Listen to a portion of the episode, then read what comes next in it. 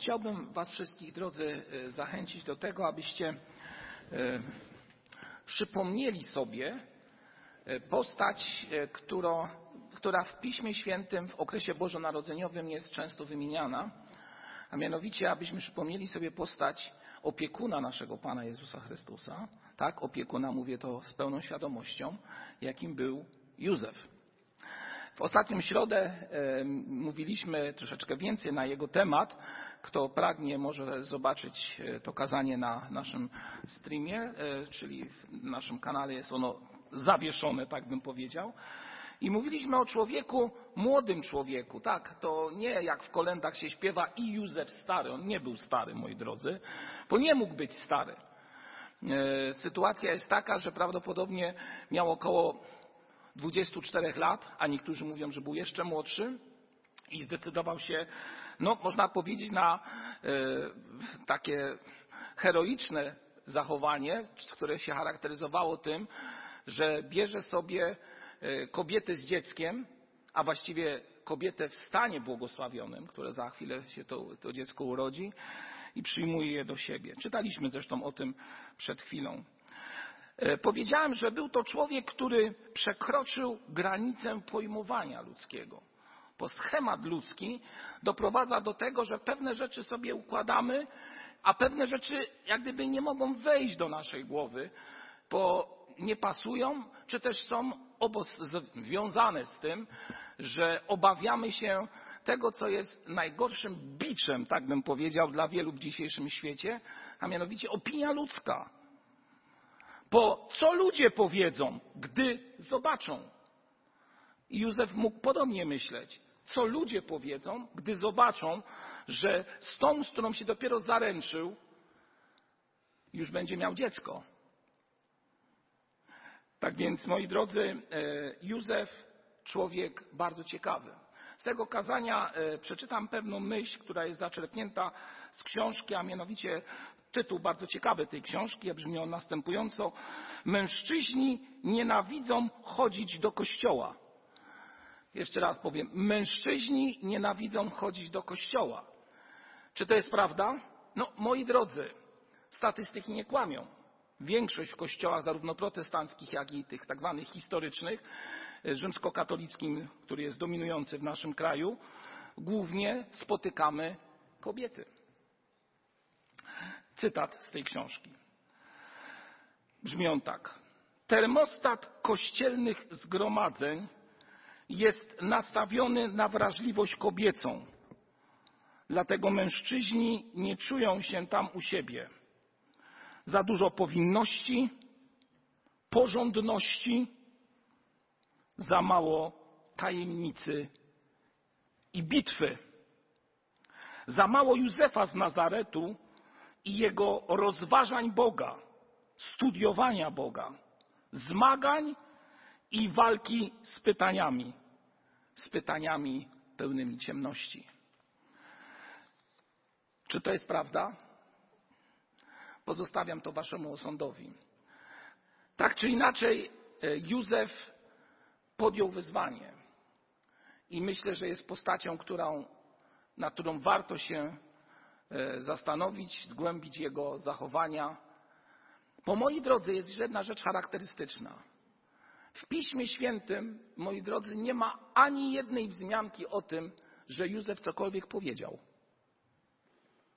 On rozmyślał, on się zastanawiał, on podejmował wyzwania niczym Abraham, szedł w nieznane, tak jak Abraham wziął swojego syna i szedł na górę, nie wiedząc, co się z nim stanie. Józef wziął Marię, moi drodzy, to nie jest tak, że oni byli w pełni uświadomieni. Oni oczywiście dostali jakiś znak z nieba. No ale wyobraźcie sobie, prości ludzie, nagle do nich ktoś przychodzi i zaczyna im mówić o wielkich rzeczach, no to oni posłusznie wychowani w tej tradycji żydowskiej przyjmują te wielkie rzeczy. Ale w rzeczywistości, jak czytamy dalej fragmenty Pisma Świętego, widzimy, że zarówno Józef, jak i jego żona de facto nie rozumieli, co się dzieje tak do końca. A on jednak podjął to wezwanie. Józef, który jest takim obrazem mężczyzny, który pragnie być posłuszny do końca, który za dużo nie mówi, który po prostu idzie posłuszny temu, co zostało mu powiedziane. To jedna z postaci związana z tym czasem, z tym czasem Bożego Narodzenia. Postać często wspominana, y, nawet czasami chwalona, ale często opacznie rozumiana. Mówi się, że Józef bardzo szybko umarł, że w sumie nie, nie, działa w życiu y, Jezusa. No chyba nie do końca, poczytamy o nim przecież, jak gdy miał 12 lat Jezus, to jest nadal Józef z nim. Tak więc to jedna z tych postaci. Drugą, którą będziemy dzisiaj chcieli omówić, to postać Marii, moi drodzy. Postać y, w protestantyzmie zmarginalizowana, moi drodzy jak to mówią młodzi, na maksa zmarginalizowana, dobrze mówię. Dlaczego? Ano dlatego, że istnieje jakaś obawa, jakiś lęk, aby za dużo nie przypisać jej chwały, aby za dużo o niej nie powiedzieć, bo, no bo taki jest, a nie inny kult w naszym kraju i nie tylko. W związku z tym albo się o niej nie mówi, albo mówi się zdawkowo. A przecież Nowy Testament rozpoczyna się praktycznie w dwóch Ewangeliach, szczególnie w Ewangelii Mateusza i Łukasza, właśnie o historii tej kobiety.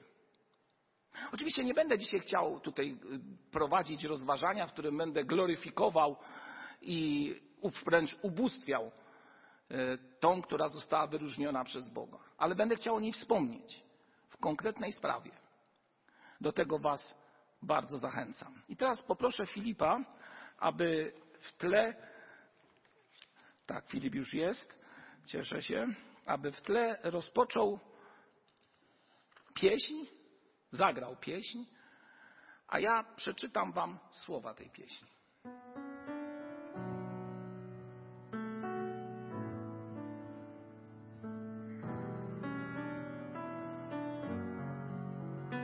Mario, czy już wiesz, kim okaże się Twój syn, Twój mały chłopiec. Mario, czy Ty wiesz, że te stópki dwie po wodzie będą kroczyć? Czy Ty wiesz, że ta mała dłoń powstrzyma wielki wiatr? Że dałaś życie temu, kto Tobie życie da. Mario, czy ty wiesz, że pewnego dnia przywróci wzrok ślepemu? Mario, czy już wiesz, że twój synek ma wybawić nas od złego? Czy ty wiesz, że twój syn już niebieskie ścieżki zna? Że patrząc w jego oczy, najświętszą widzisz twarz? Ślepemu wzrok, głuchemu dźwięk, zmarłemu życia dar, chromemu krok, niememu pieśń przynosi Chrystus Pan. Chrystus Pan. Mario, czy ty wiesz, kim naprawdę jest maleńki twój bohater? Mario, czy ty wiesz, że pewnego dnia Chrystus rządzić będzie światem? Czy ty wiesz, że właśnie On pokona grzech i śmierć? Dziecko śpiące w Twych ramionach na imię ma Jam jest. Jam jest.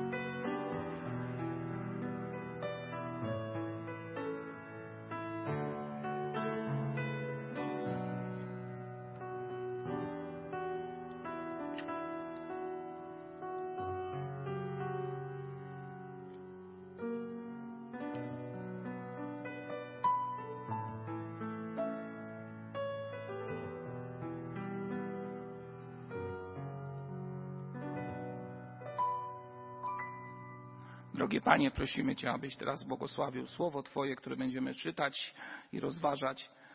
Dziękuję Ci, że w Twoim Słowie jest życie i prawda. Gorąco proszę Cię, Panie, abyś użył mnie w przekazie tego, co chcesz powiedzieć zborowi. Dziękuję Ci, Panie, że możemy być tutaj razem i wsłuchiwać się w Twój głos. Amen. Dziękuję, Filip. Moi drodzy, w Ewangelii Łukasza czytamy następujące słowa w rozdziale pierwszym od wiersza 26. A w szóstym miesiącu Bóg posłał anioła Gabriela do miasta galilejskiego zwanego Nazaret, do panny poślubionej mężowi, któremu było na imię Józef z domu Dawidowego, a pannie było na imię Maria. A wszedłszy do niej rzekł, bądź pozdrowiona, łaską obdarzona, Pan z Tobą, błogosławionaś Ty między niewiastami. Ale ona zatworzyła się tym słowem i rozważała, co mogło znaczyć to pozdrowienie. I rzekł jej anioł, nie bój się, Mario, znalazłaś bowiem łaskę u Boga i oto poczniesz w łonie i urodzisz syna i nadasz mu imię Jezus. Ten będzie wielki i będzie nazwany Synem Najwyższego i da mu Pan Bóg tron jego ojca Dawida. I będzie królował nad domem Jakuba na wieki, a jego królestwu nie będzie końca. A Maria rzekła do anioła, jak się to stanie, skoro nie zna męża? A odpowiadając anioł rzekł jej, Duch Święty stąpi na ciebie i moc Najwyższego zacieni cię. Dlatego też to, co się narodzi, będzie święte i będzie nazwane synem, synem Bożym. A oto Elżbieta, krewna Twoja, którą nazywają niepłodną, także poczęła syna w starości swojej, a jest już w szóstym miesiącu. I teraz piękne słowa, 37 wiersz. Bo u Boga żadna rzecz nie jest niemożliwa. No piękne słowa, moi drodzy. U Boga żadna rzecz nie jest niemożliwa. Czyli inaczej, u Boga wszystko jest możliwe. Jeżeli Bóg zdecyduje, to tak się będzie działo. Jeżeli Bóg kogoś będzie chciał powołać, to tak się stanie. Jeżeli Pan Bóg będzie chciał komuś zwiastować konkretne słowo, nawet jeżeli to będzie ktoś bardzo ubogi i tak jak Maria, nie spodziewający się tych wydarzeń, które akurat ją spotkały, to tak się stanie. Bo to jest nasz Pan. I to jest ten, który działa jak On chce, a nie jak człowiek chce. Wyobrażacie sobie to, wyobraźmy sobie to wydarzenie. Do młodej dziewczyny, tak, do młodej dziewczyny mówię celowo, bo ma ona według historii i tradycji prawdopodobnie 14 lat. 14 lat miała Maria, gdy to się zaczęło dziać, a może nawet jeszcze mniej. Przychodzi anioł. I zobaczcie, mówi jej słowa nie bój się, no bo to jest naturalne, że człowiek coś takiego otrzymuje, jakieś takie widzenie, no to lęk zaraz jest w jego sercu. I mówi, że porodzi. Niedawno zaręczyła się z Józefem. A tutaj już informacja jakże niespotykana.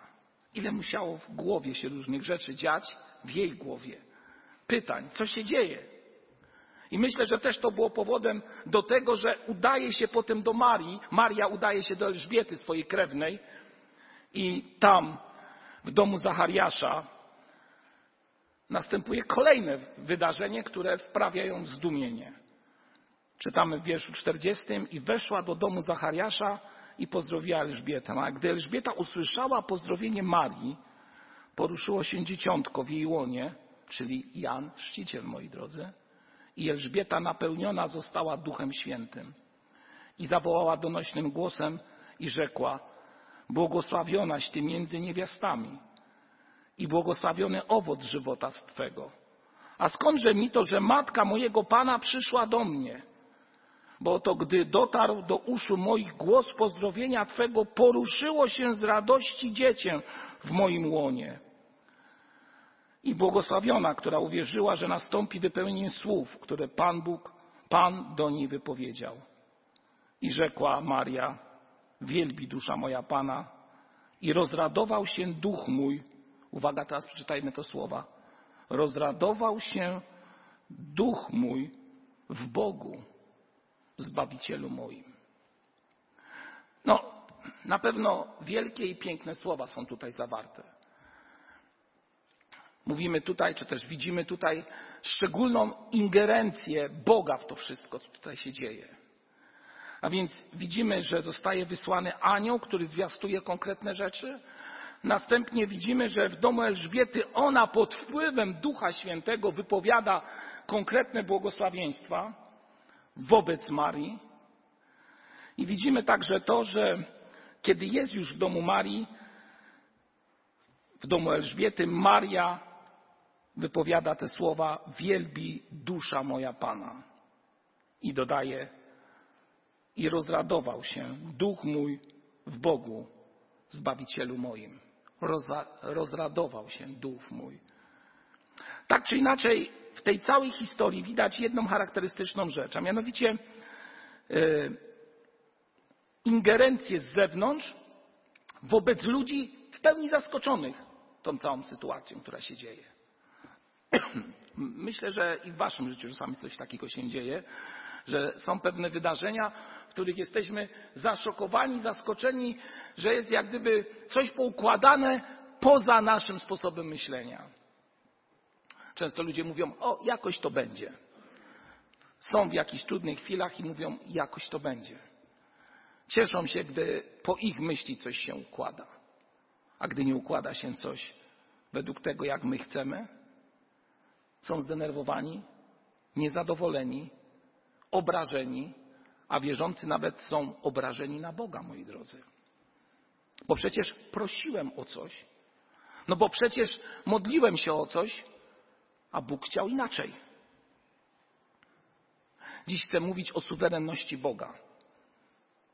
Przede wszystkim o Jego suwerenności i Jego wielkości. Spójrzcie na Marię. Pomimo tych wielu słów, które często są wypowiadane w różnych kościołach, a szczególnie są wypowiadane nawet podczas modlitw, te słowa i postawa tej młodej, czternastoletniej dziewczyny wskazuje nie na nią, tylko na Boga. Ona cały czas wskazuje na Boga. I wszedłszy do niej anioł, czytamy w 28 wierszu, powiedział: Bądź pozdrowiona, łaską obdarzona. A jak w kościołach się wielu modli? Bądź pozdrowiona, łaski pełna. Tutaj zupełnie jest to innego. Bądź pozdrowiona, łaską obdarzona. To Bóg Marię czymś obdarzył, a nie ona obdarza kogoś. Czy rozumiemy tą dyskretną, jakże jednak ważną różnicę?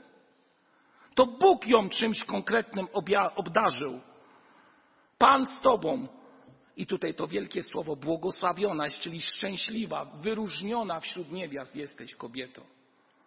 To Pan Bóg Cię wybrał do konkretnego dzieła. I Ty powinnaś być szczęśliwa z tego. Tak jak mówię, słowo błogosławiony znaczy bardzo dosłownie szczęśliwy. Wielokrotnie to powtarzamy i myślę, że lepiej by było, gdyby tłumacze właśnie w ten sposób to przetłumaczyli. Szczęśliwa jesteś między niewiastami. Szczęśliwa jesteś. Dalej czytamy w 42 wierszu słowa, które wypowiedziała Elżbieta, która mówi w ten sposób: Błogosławionaś ty między niewiastami i błogosławiony owoc żywota twego. To Jezus będzie tym, który jest owocem ingerencji Bożej w jej życie. Ingerencji Bożej w jej życie. Idźmy dalej w naszych rozważaniach. Widzimy tutaj potem piękny hymn, który wypowiada Maria od 48 wiersza. Myślę, że słowa te są wypowiedziane przez nią w Duchu Świętym, bo mówi, bo wejrzał na uniżoność służebnicy swojej, oto bowiem odtąd błogosławioną zwać mnie będą wszystkie pokolenia. Bo wielkie rzeczy uczynił mi wszechmocny Pan i święte jest imię Jego a miłosierdzie Jego z pokolenia w pokolenie nad tymi, którzy się Go boją. Okazał moc ramienia swoim, rozproszył pysznych zamysłów ich serc, strącił władców stronów, a wywyższył poniżonych, łaknących nasycił dobrami, a bogaczy odprawił z niczym. Ujął się za Izraelem sługą swoim, pomnym na miłosierdzie, jak powiedział do ojców naszych, do Abrahama i potomstwa jego na wieki. Piękny psalm, słuchajcie, to jest psalm, który ona wypowiada w natchnieniu, jestem o tym przekonany, przepełniona Duchem Świętym. Wskazuje na Boga, wskazuje na Jego wielkość.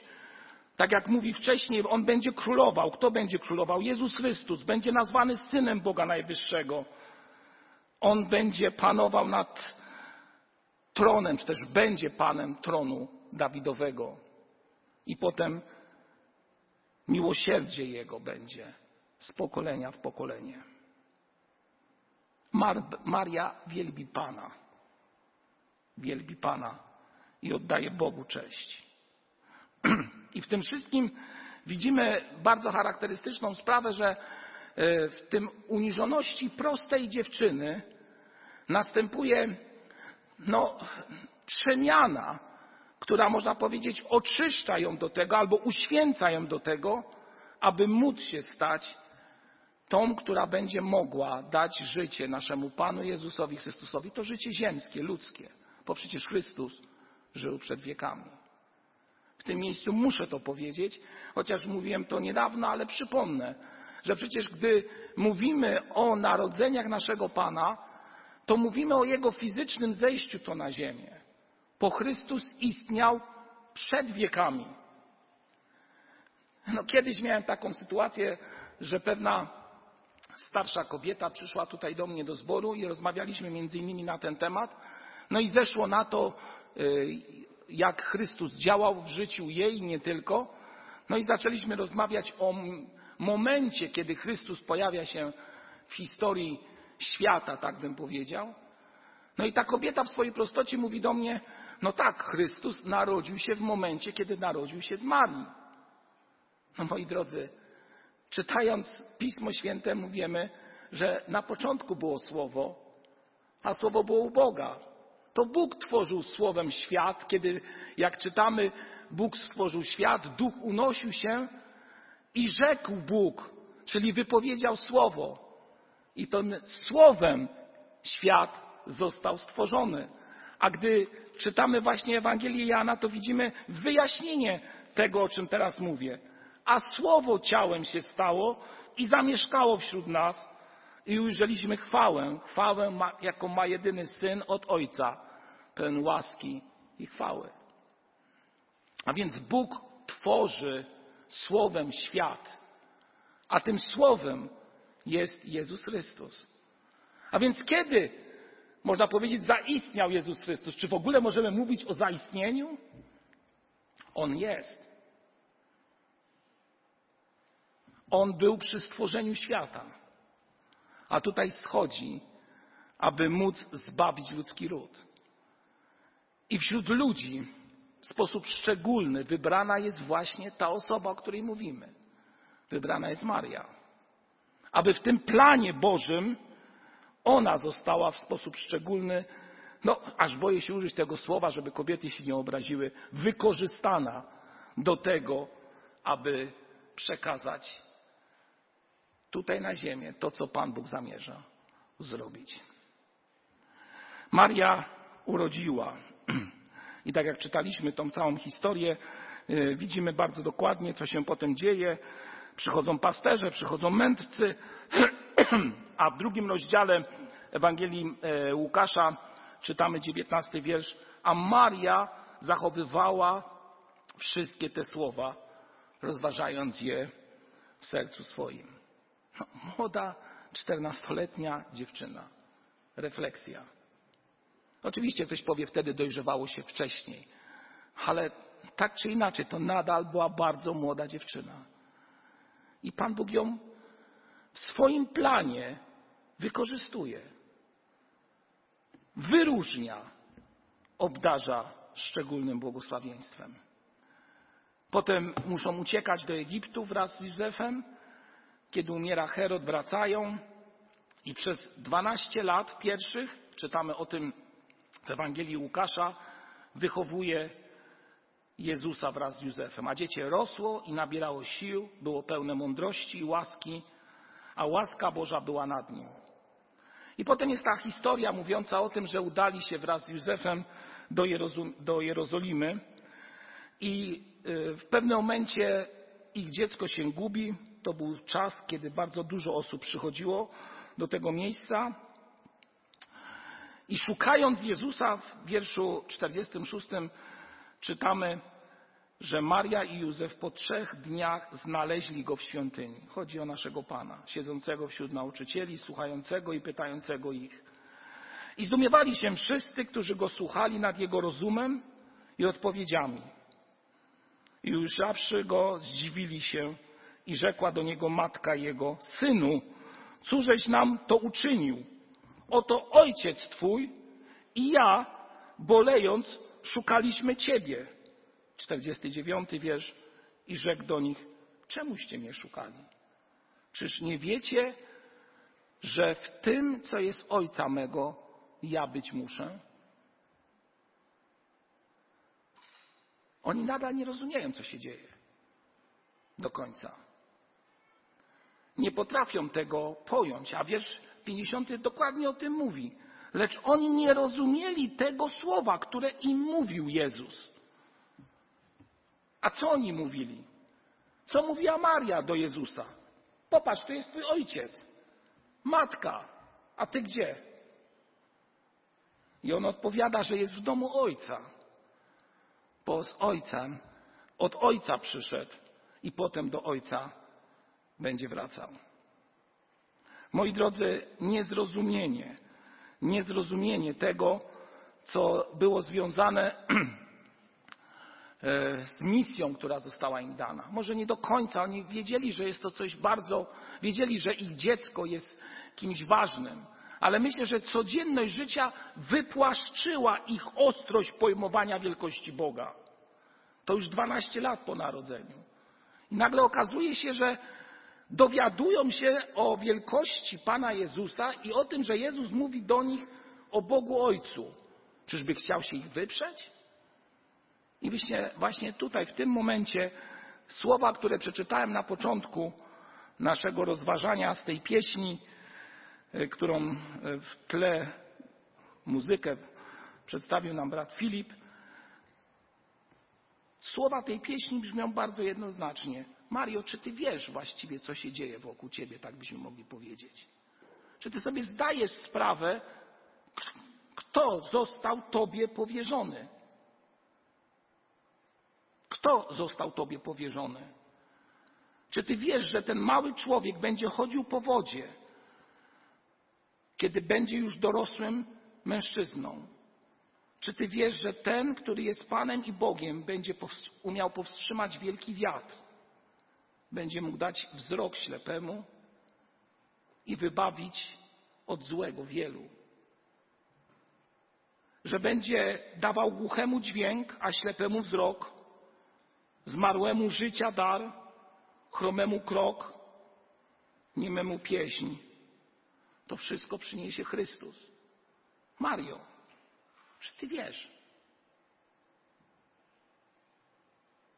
Popatrzcie, jest tutaj bardzo jednoznacznie powiedziane, w którym miejscu jest ona, Maria, i co jest istotą przesłania Ewangelii. Kto jest istotą przesłania Ewangelii? Nasz Pan, Jezus Chrystus i nie kto inny. Kiedy Jezus jest już na tyle dojrzały, że wraz z Marią udaje się na wesele w Kanie Galilejskiej i tam następuje rozmnożenie albo przemienienie właściwie wody w wino, wtedy myślę, że po raz pierwszy do końca Maria potrafi e, no, znaleźć się i w jaki sposób zrozumieć, kto jest koło niej. Znacie tą historię bardzo dobrze. I są to, moi drodzy, ostatnie słowa, jakie wypowiedziała na kartach Pisma Świętego Maria. Otwórzmy Ewangelię Jana, i co tam widzimy? W drugim rozdziale, wesele w Kanie Galilejskiej, piąty wiersz drugiego rozdziału Ewangelii Łukasza. Rzekła matka jego do sług. Co wam powie, czyńcie. Ona nie zamieniła wody w wino. Ona nie dokonała cudu, jak niektórzy by chcieli, aby dokonywała. Ona wskazała na kogo? Powiedzmy to głośno. Na Chrystusa. Ona wskazała na Niego. Jeżeli ktoś chce powiedzieć, jakie są najistotniejsze słowa Marii, które wypowiedziała na kartach Pisma Świętego, to ja powiem w ten sposób. Możemy mieć wiele hipotetycznych objawień jej obecności, które według mnie są tylko i wyłącznie emanacją albo próbą przedstawienia kogoś, kto faktycznie tam nie jest. Dlaczego? Dlatego, że ona jest w domu Ojca. I to Pan Bóg działa przez Jezusa Chrystusa w Duchu Świętym, a nie ona, moi drodzy. Bo ona zakończyła swoje dzieło. Kiedy zakończyła swoje dzieło? I swoje w sposób szczególny wyróżnienie. Myślę, że kiedy wypowiedziała te słowa, co wam powie, czyńcie. Co Chrystus wam powie, to czyńcie. I to jest istota. To jest to klucz, byśmy powiedzieli, całej tej sytuacji i jej szczególnego miejsca w historii świata. Maria była także pod krzyżem Golgoty, gdy Jezus mówi, czy też powierza ją uczniowi, aby się nią opiekował. Oraz była wtedy, kiedy Kościół, pierwszy Kościół, otrzymał dar Ducha Świętego w dniu pięćdziesiątnicy wraz z uczniami. Ale ona tam już nic nie mówi. Ona po prostu tam jest. To Duch i Jezus działa. Ona wskazała na Niego. I tylko na Niego. A więc kim była ta osoba? Oczywiście mógłbym teraz przeprowadzić tutaj wywód teologiczny o jej śmierci, czyli zaśnięciu, o wniebowzięciu, jak niektórzy próbują mówić, hipotetycznych sprawach, które są ustanowione przez ludzi w nieodległych czasach. W nieodległych czasach. Niektórzy mogą mówić o jej bezgrzeszności, albo porównywać ją, jak ostatnio słyszałem, do tego, że jest niczym Arka Przymierza, w której to arce były szczególne atrybuty Bożej obecności, czyli laska, manna i kamienne tablice. A oni niektórzy mówią, że to w Marii był Jezus, a więc staje się niczym Arka Przymierza. To nowa hipotetyczna sprawa, która teraz się pojawia w teologii. Nie będę tego rozwijał, moi drodzy. Powiem jedno. Jestem o tym w stu procentach przekonany. Po pierwsze, że kiedy będę u Pana mojego Jezusa Chrystusa, to spotkam tam Marię. Marię, która została w sposób szczególny wyróżniona. Jako osobę zbawioną, wypełnioną Duchem Świętym. I spotkam ją i na pewno usłyszę jedno. Co wam powie? Czyńcie. Bo to mówi Maria, wskazując na Jezusa Chrystusa. Wybrał ją Bóg, bo była przeznaczona do szczególnego dzieła. Była prostą, ale zarazem pokorną osobą. Słuchała i rozważała. Nie wiem, czy na sali mamy jakąś dziewczynę, która ma 12-14 lat tutaj, albo troszeczkę więcej. No, mało nas jest po takie obostrzenia, ale zastanówmy się nad tym. To kieruje do młodych dziewczyn, ale także i do dojrzałych kobiet. Czy macie taką postawę, moje drogie? Słuchać i czynić, rozważać w swoim sercu. Kogo słuchać? Oczywiście mężczyźni powiedzą, nas słuchać, a ja powiem, Pana Boga słuchać. I tego, co jest zapisane. I rozważać w sercu, ale też być obok swoich bliskich mężów i trwać z nimi, być z nimi. Aż ciśnie mi się na to e, w tym momencie refleksja, którą też przekazałem w środę. Pamiętacie, że gdy Józef miał te problemy związane, e, czy przyjąć Marię, czy nie przyjąć, co Pan Bóg zesłał na niego? Sen. Ja nazywam to snem miłosierdzia. Bo jak jest sen, to człowiek odpoczywa i wtedy on nie myśli za dużo, tylko Pan Bóg może też ewentualnie coś do niego powiedzieć. A jaki był największy sen, który jest opisany w Piśmie Świętym? Pamiętacie? Kiedy Pan Bóg tworzył kobietę. To, co zrobił? Zesłał sen na Adama. I ktoś zadał pytanie, dlaczego? I jedną z możliwych odpowiedzi jest odpowiedź taka, że gdy wcześniej Adam nazywał wszystkie zwierzęta po to, aby nad nimi panować, nazywał je z imienia, to kiedy Pan Bóg stworzył człowieka, to on też ją nazwał. Ale tam już nie było takiej zależności, jak Pan Bóg coś mu podsyłał. Tylko uśpił go. Może po to, aby nad kobietą za bardzo nie panował? To jedna z hipotez. On też ją nazwał. To jest kość kości mojej, czyli Ewa, tak? Wróćmy jednak do naszego rozważania. Pan Bóg wybiera, wybiera Marię w sposób szczególny i w sposób szczególny jest ona wykorzystana w historii człowieka. I kończąc, pozwólcie, że przedstawię Wam myśl o Bożym panowaniu nad naszym życiem i o Bożym wyborze. W drugiej księdze Mojżeszowej w rozdziale 40 i wierszu 34 znalazłem takie słowa. Druga księga Mojżeszowa, rozdział 40 i wiersz 34.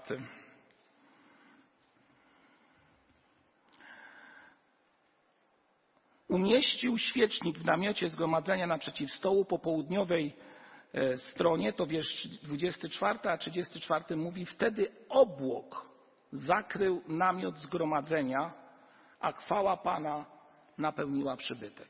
I ktoś zada pytanie, jaki ma kontekst tego, co teraz czytasz z tym, o czym mówimy? Ano, chcę powiedzieć Wam o jednej bardzo ważnej sprawie w życiu każdego z nas. A mianowicie, Pan Bóg w swojej suwerenności jest w stanie wybrać sobie różne osoby do różnego dzieła. Tak jak wybrał Marię, Józefa, jak wysłał mędrców, czy też pasterzy do miejsca, gdzie urodził się Jezus. I tam, gdzie Bóg przebywa albo kogoś wybiera, kogoś otacza tym swego rodzaju obłokiem, tak jak to było w przypadku Izraelitów, którzy byli na pustyni, to wtedy schodzi na tego kogoś świętość Boża. I zadałem sobie pytanie, kto jest święty w rozumieniu Bożym? Albo kto może być osobą świętą w rozumieniu Bożym? I doszedłem, że świętym może być tylko i wyłącznie człowiek, który jest wypełniony Bożą obecnością, który jest wypełniony Bożą obecnością. Oczywiście w Starym Testamencie czytamy o Ziemi Świętej, o świętych miejscach, czytamy o świętym mieście, o świętych przedmiotach, o świętych porach roku. Ale moja, moi drodzy, żadna z tych rzeczy nie byłaby święta, gdyby Pan Bóg za tym nie stał. I tak samo Maria nie byłaby błogosławiona, czy też nawet święta, gdyby Pan Bóg nie miał takiej woli. Bo to Pan Bóg ją wypełnił, a nie ona wypełniła, o czym mówiłem wcześniej. To tak samo, kiedy lud izraelski wkraczał do Kanaanu, to tamten lud zamieszkały był ludem pogańskim. I wcale wtedy nie mówiono o Kanaanie, że jest to ziemia święta. Dopiero kiedy Bóg wraz z ludem, można by powiedzieć, tak symbolicznie wkracza do tego miejsca, jego obecnością jest to miejsce uświęcone. Tak samo Jerozolima, miasto święte mówimy. Wcześniej było kim, właściwie czym, tak trzeba powiedzieć. Było miastem, tutaj sobie zapisałem, Jebuzytów. Czy ono było miastem świętym? No nie było miastem świętym. Dopiero w momencie, kiedy tam zaczęły się dziać Boże rzeczy, mówimy, no teraz to jest miasto święte. Ale dlaczego się świętym stało? Bo Bóg zaczął tam działać. To samo dotyczy miejsca najświętszego i tak dalej, i tak dalej. A więc mogę powiedzieć tak, że Pan Bóg może wziąć kogoś zupełnie zwyczajnego, nawet splamionego grzechem. Spójrzcie na Dawida, ten człowiek wcale nie był taki czysty w swoim zachowaniu. Nawet zabił. cudzołożył, a jednak Pan Bóg go oczyścił. A więc Pan Bóg może wziąć kogoś zwyczajnego, splamionego i uczynić go świętym, albo inaczej powiem, uświęconym i wykorzystać go w dziele, które On chce, aby On uczynił. Czyni to świętość Jego, Boża obecność. I powiem tak. Maria, chociaż była tak młodą dziewczyną, nie powiedziała Bogu nie. Nie wystraszyła się. Nie uciekła. Nie dokonała aborcji. Nie wywołała dziecka, aby nie narazić się na to, co ludzie mówią. Tylko podjęła wyzwanie. Podjęła wezwanie. I my, drodzy, jeżeli słyszymy Jego głos, a jak możemy usłyszeć Jego głos? Kiedy modląc się do Niego, albo widząc, co się wokół nas dzieje, przyjmujemy to, co On do nas mówi. I nie mówimy, Panie Boże, no to e, może zróbmy to na moich warunkach, bo teraz to jestem zajęty albo co innego mam w głowie. Tylko mówimy, tak jestem, Panie. Tak jak powiedział Izajasz, oto jestem, poślij mnie. Pamiętacie to słowo z Izajasza z szóstego rozdziału.